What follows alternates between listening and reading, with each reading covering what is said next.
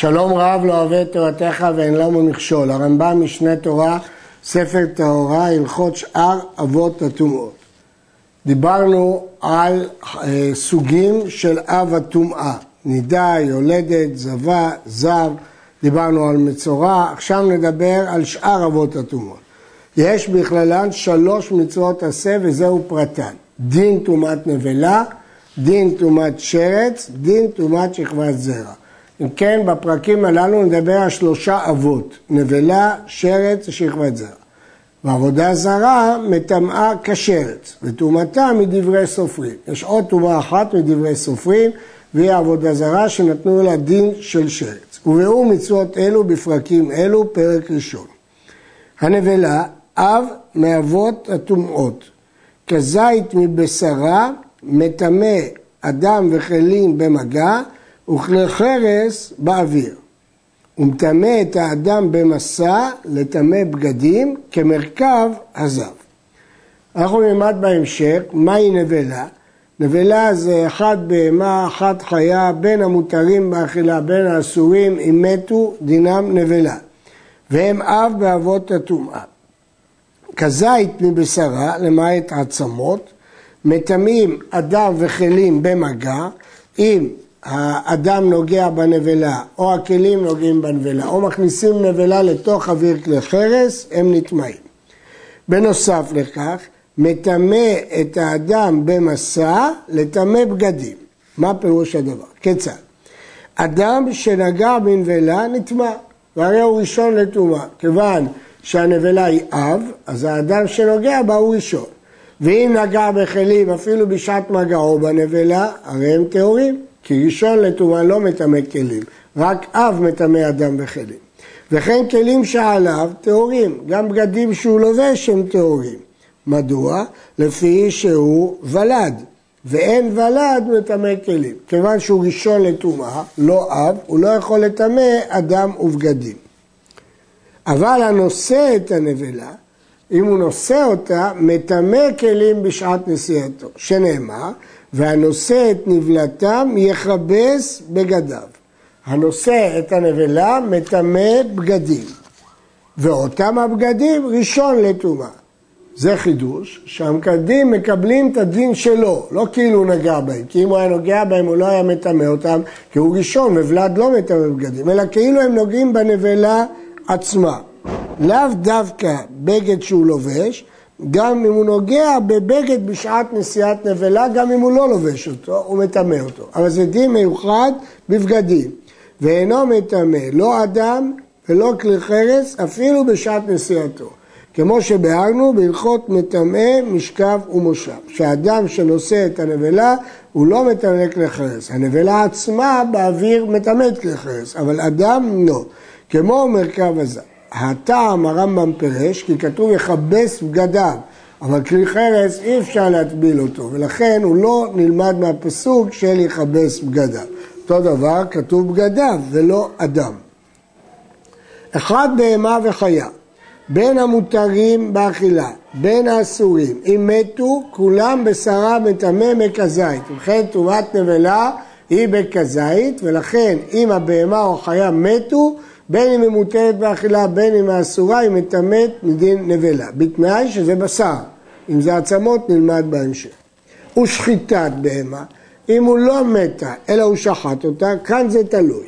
שחיטת בהמה טהורה וחיה טהורה מטהרת אותה בכל מקום. שחיטה מטהרת אותה מדי נבלה. ואפילו שחט חולין באזהרה וקודשים בחוץ, שאסור לו לשחוט אותה. האלו טהורים, כי השחיטה טהרה. ואם הרע פסול בשחיטה, אם הוא ניבל בשחיטה, הוא לא שחט כראוי, הרי זו נבלה, כמו שביארנו בהלכות שחיטה. ומטמאה במסע. אם היה פגם בשחיטה, היא נבלה ומטמאה במסע. אבל אם זאת שחיטה כשרה, אפילו שאחר כך הבהמה תהיה טרפה. בכל אופן, היא הוציאה אותה מידי נבלה. בהמה טמאה וחיה טמאה שהיא לא ראויה לאכילה, אין השחיטה מועלת בה, כיוון שאין משמעות לשחיטה שלה.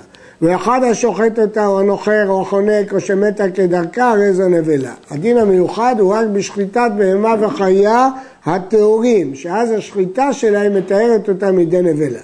וכל הנבלות מצטרפות לעניין טומאה לחזית, אחת טמאות ואחת טהורות. בין אם הוא לוקח נבלה מבהמה טהורה שמתה, חצי זית, ומצרף לחצי זית מבהמה טמאה שנשחטה, זה לא משנה, הם מצטרפים. מוח הרי הוא כבשר, ודם הנבלה אינו מטמא כנבלה, אלא הרי הוא כמשכין טמאים שאינו מטמא אדם ולא כלים מן התורה. מוח שבעצמות נותנים לו דין של בשר שמטמא בחזית, אבל דם הנבלה הוא לא מטמא כנבלה, אלא דינו כמשקים טמאים, שהדין שלו שמהתורה הוא לא מטמא אדם וכלים. הכלל הוא שאין שום דבר שדמו מטמא כמוהו, אלא שרץ. שרץ יש דין מיוחד שדמו מטמא כמוהו. כן. חלב בהמה טהורה שמתה, טהור. אין לו דין נבלה. שנאמר, וחלב נבלה וחלב טרפה יעשה לכל מלאכה, מי שאיסורו משום נבלה וטרפה. כלומר, איסור חלב בחיה בכלל לא קיים, אבל בבהמה טהורה שיש איסור חלב, אין דין טומאה חל על החלב. ולכן התורה גזרה שחלב נבלה מותר בהנאה ויעשה בכל מלאכה, הרי מוכח שהוא אינו טמא, אחרת הרי אפשר לעשות איתו כל מלאכה. ולכן חלב בהמה טהורה שמתה, טהור. ואם הוכשר במשכין המכשירים, הוא טהור, אבל אם נפל עליו משקה, הרי זה כאוכלים טמאים, ואינו כבשר הנבלה. הדין שלו כמו כל אוכל טמא, נפקא מינה שהוא טמא בקבצה, לא בכזית. אם הוא הוכשר לקבל טומאה, אז הוא כמו אוכל. והנוגע בחלב החופה את הכליה קודם הפרשה, הרי זה טמא כנוגע בכליה עצמה, שהרי כמה חוטים נמשכים ממנה כחלב. נכון שחלב לא מטמא כנבלה, אבל כשהחלב מחובר לכליה, אז דינו כמו הכליה, ולכן הוא מטמא מדין נבלה. אבל בהמה טמאה וחיה בין טמאה בין טהורה, אחד בשרה ואחד חלבה לטומאה. ומטמא אדם וכלים בחזאי כבשר הנבלה. כל מה שאמרנו זה בבהמה טהורה, אבל בחיה, כיוון שבחיה אין איסור חלב, אז ממילא חלב שלה טמא כבשרה. בבהמה טמאה אין דין שהחלב שלה טהור, ובבהמה טמאה גם החלב שלה מטמא אה, טומאת נבלה. הקוי קוי הוא מין שצורתו בין העז והצבי, הוא בריאה בפני עצמו, ולא הכריעו בו חכמים ממין חיה או מין בהמה, ונתנו עליו חומרי חיה צבי, וחומרי בהמה עז. ולכן, חלבו מטמא כבשרו, כמו חלב חיה, וטומאתו בספק, כיוון שאולי הוא בהמה. לפיכך אין שורפים עליו תרומה וקודשים. אם הוא נגע בתרומה או בקודש, לא שורפים, כי מספק אסור לשרוף תרומה או קודש.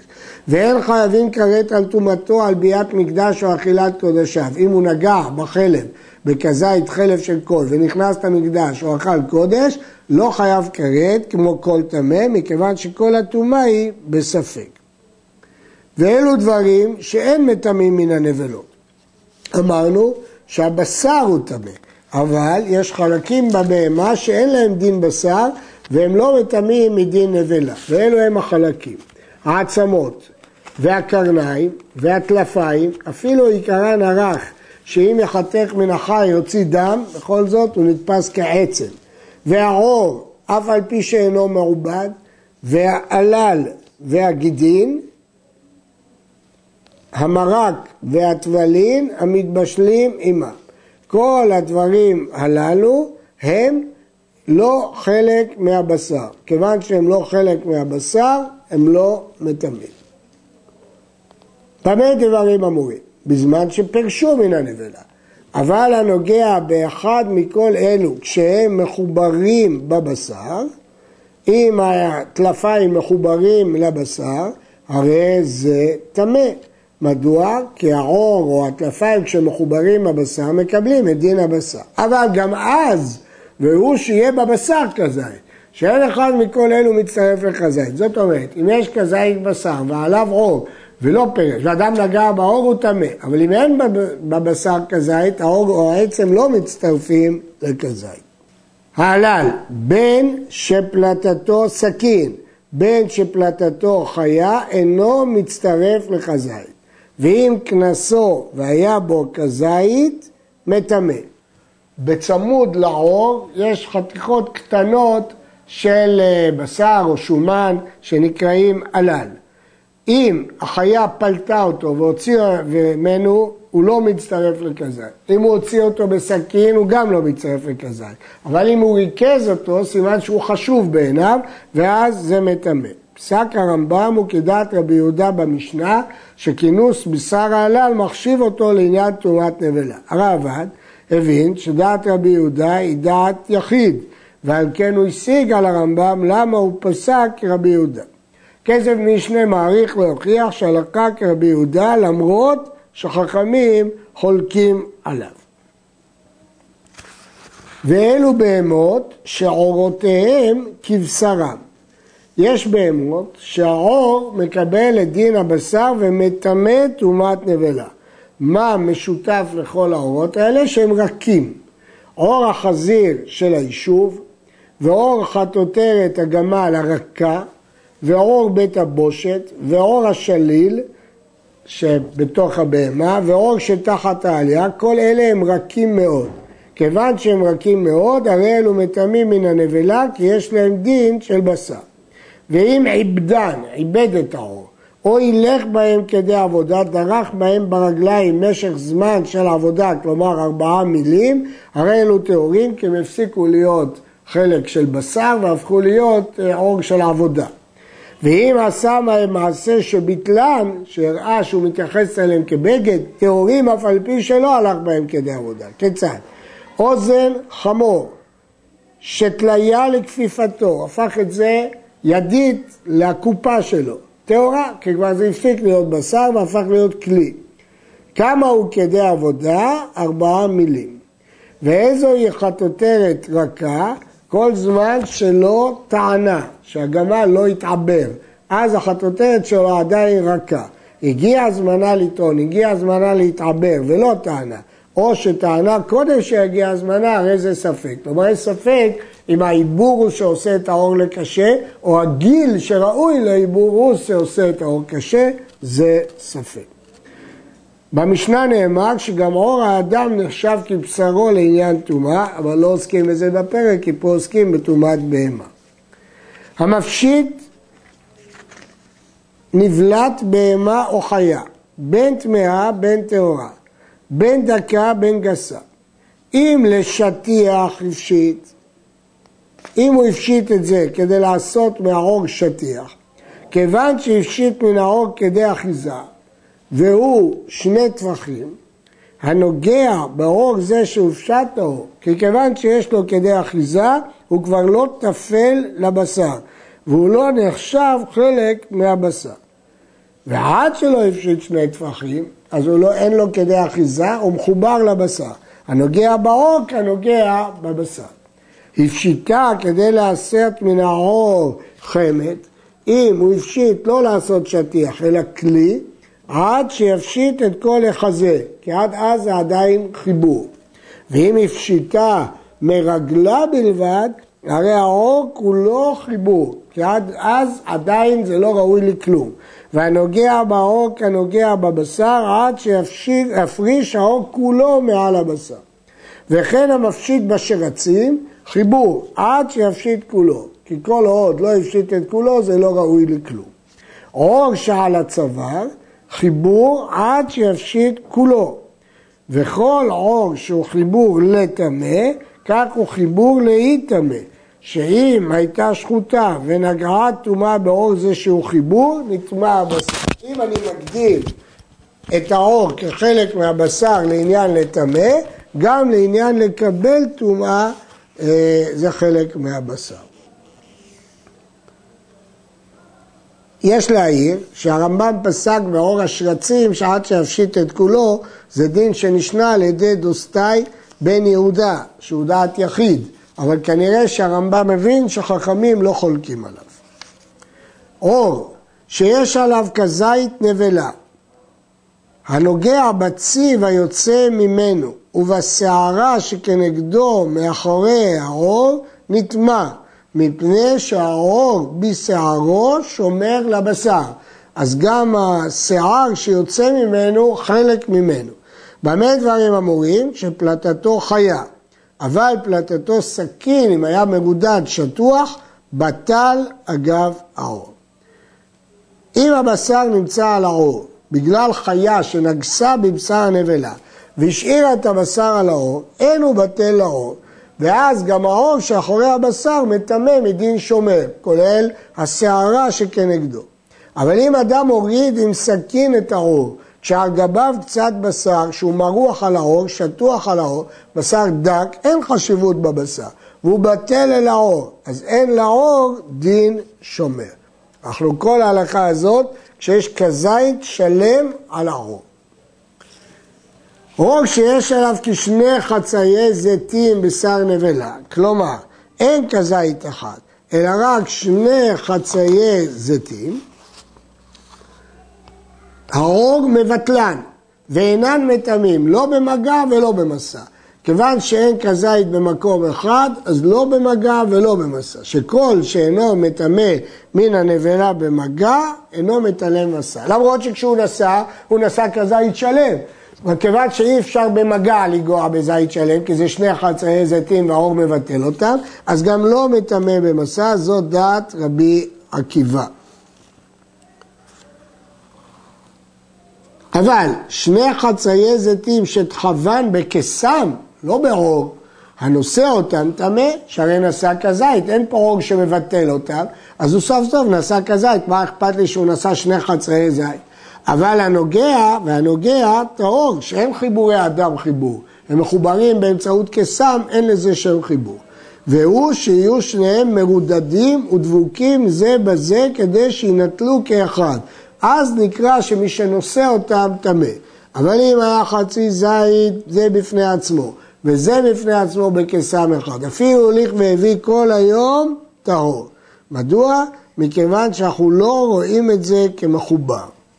אגב, בטומאת מת פסק הרמב"ם שהנוגע בשני חצרי זיתים של מת כן נטמע. זו חומרה בטומאת מת.